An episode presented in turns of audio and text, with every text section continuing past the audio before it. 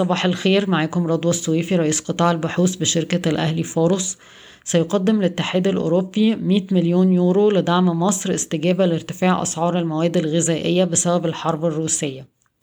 وافق مجلس الوزراء على زيادة خمس منح من الولايات المتحدة بقيمة إجمالية 74.5 مليون دولار لتصل إلى 569.5 مليون دولار في قطاعات الصحة والسكان والتعليم والزراعة. اتفقت الهيئة العامة للاستثمار والمناطق الحرة جيفي وهيئة الرقابة المالية وهيئة تنمية صناعة تكنولوجيا المعلومات إتيدا على العمل معا لتسهيل الاستثمار في الشركات الناشئة في مصر.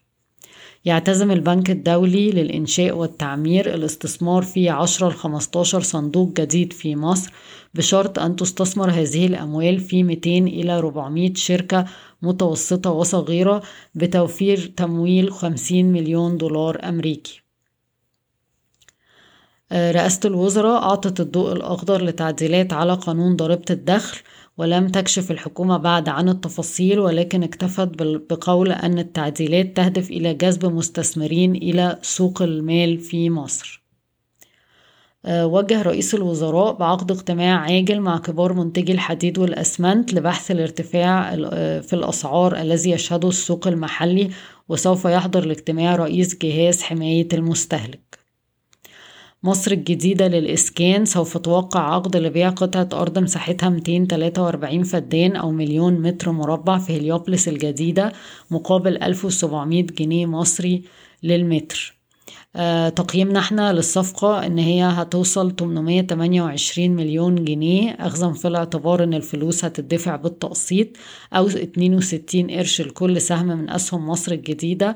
وده بيترجم ان الشركة باعت الأرض تقريبا بقيمة 812 جنيه لكل متر مربع. وطبعا الصفقة هترفع صافي أرباح الشركة في السنة المنتهية 30 يونيو 2022 لواحد واحد من عشرة مليار جنيه مصري وبالتالي السهم بيتم تداوله عند مضاعف ربحية سبعة ونص مرة اجتمعت الحكومة مع مطورين العقارات لمناقشة التحديات الحالية في في في في القطاع وكان في بعض الأفكار زي إطلاق مبادرات تمويل عقاري مع القطاع الخاص والنظر في تأجيل سداد التزامات المطورين سواء على الأراضي أو أي التزامات أخرى. وافق مجلس الوزراء على إنشاء منطقة حرة للمجموعة المصرية للمحطات متعددة الأغراض المملوكة للدولة بميناء الإسكندرية.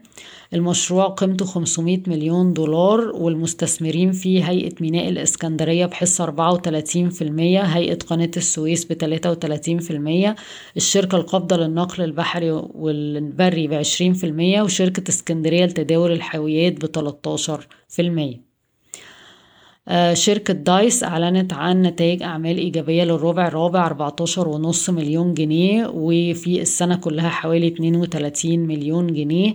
وكان اللي بيدعم الإيرادات بشكل كبير هو دعم الصادرات والسهم بيتم تداوله عند مضاعف ربحية أربع مرات لعام 2022 سجلت شركة ريمكو صافي خسارة في عام واحد وعشرين ربعمية خمسة وخمسين مليون جنيه مقارنة بخسارة ربعمية تلاتة وأربعين مليون جنيه في عام عشرين عشرين.